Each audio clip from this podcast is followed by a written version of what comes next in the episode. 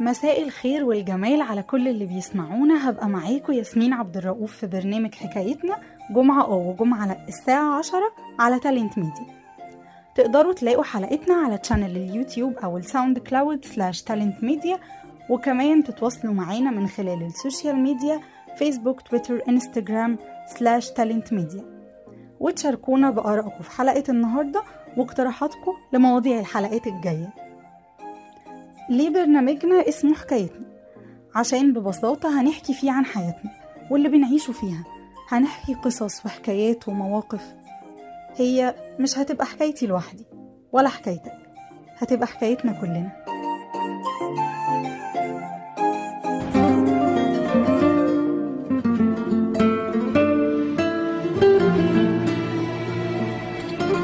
عندما بلغت التاسعة عشر من عمري وكنت أكبر أخواتي طرق بابنا الكثير من الشباب ممن تقدموا لخطبتي وكان نصيبي مع أحد الشباب الطيبين الذي تتمناه أي فتاة.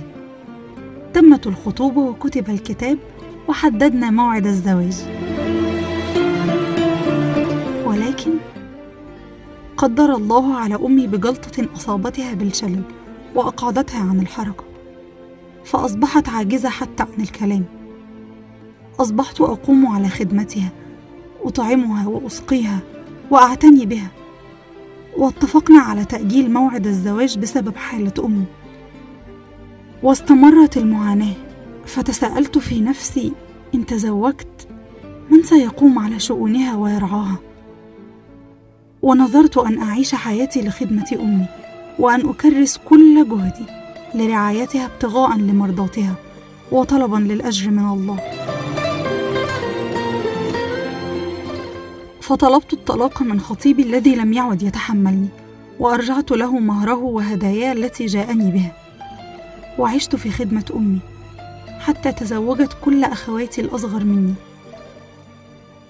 وعندما بلغت الخامسة والأربعين من عمري وحانت لحظة الفراق وجاءت سكرة الموت بالحق قمت ألقن أمي الشهادة وهي تنازع.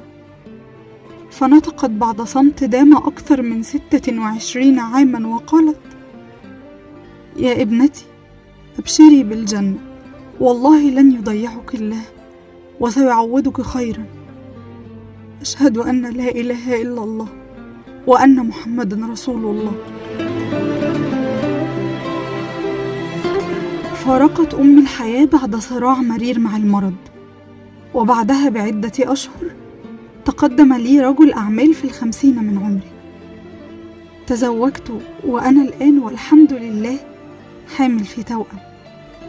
فقد عوضني الله خيرا كثيرا بسبب بري لأمي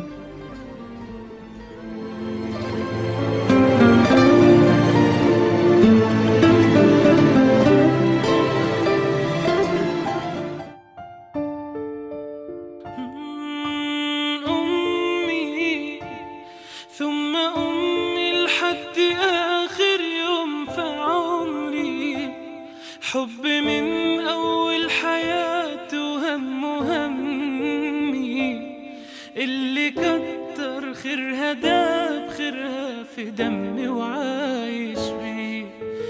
أمي ثم أمي لحد آخر يوم في عمري.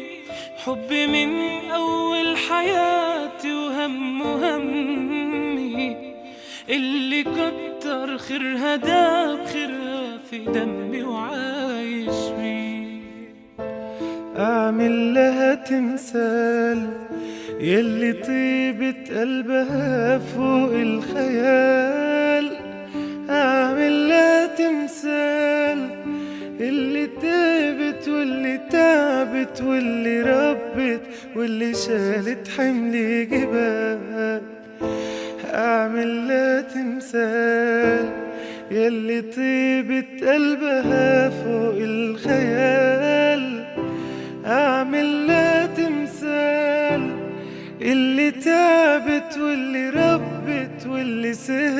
واللي شالت حمل جبال. أمي ثم أمي لحد آخر يوم في عمري. حب من أول حياته هم همي. اللي كتر خيرها داب خيرها في دمي وعايش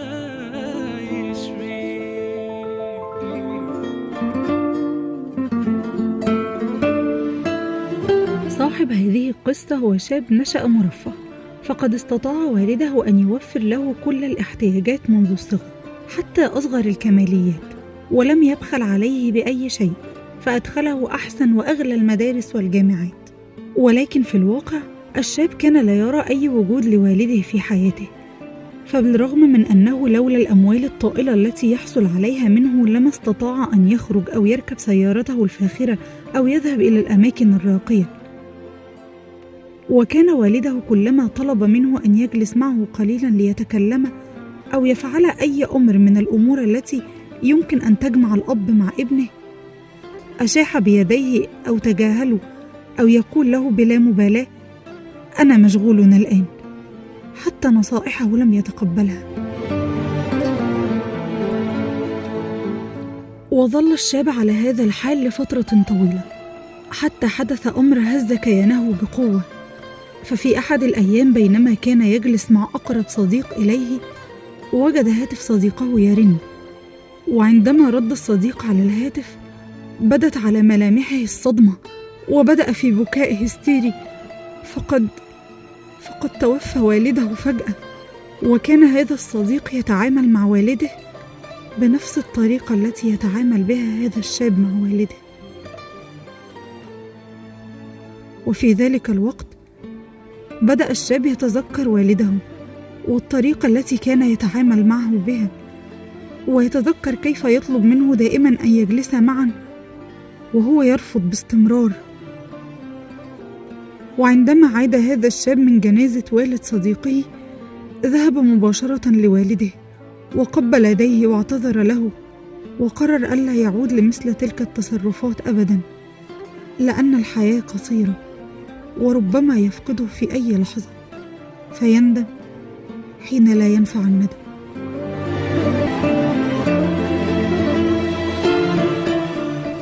ختاما الأب والأم لازم يبقوا دايما في أولوياتنا. الحياة بتشغلنا كتير وكتير بتبقى أولوياتنا هي الخروج مع أصحابنا أو القعدة على النت. وبننسى تماما إن في ناس تستحق وقتنا ده وهم أهم ناس في حياتنا. ومن برنامج حكايتنا حابين نعترف بتقصيرنا وبنعترف إننا بنتشغل عنكم كتير قوي. وإنتوا أهم ناس عندنا. الناس بتمشي وبتيجي وإنتوا ثابتين.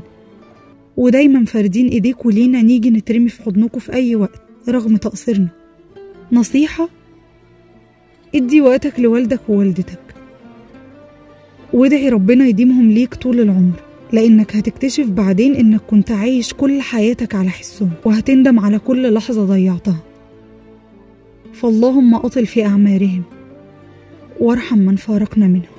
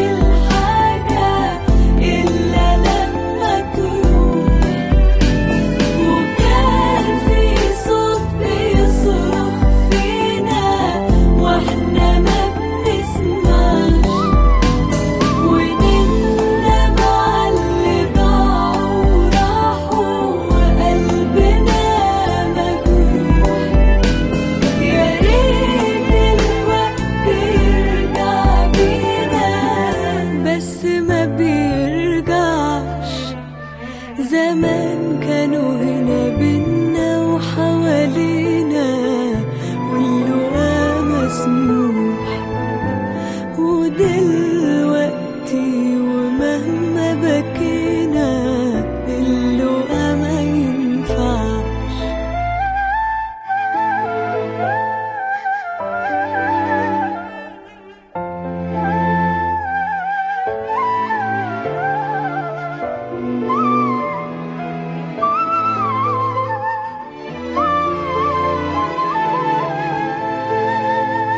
قرب من كل اللي حبيبها شيل عنهم خوفهم وتعبهم.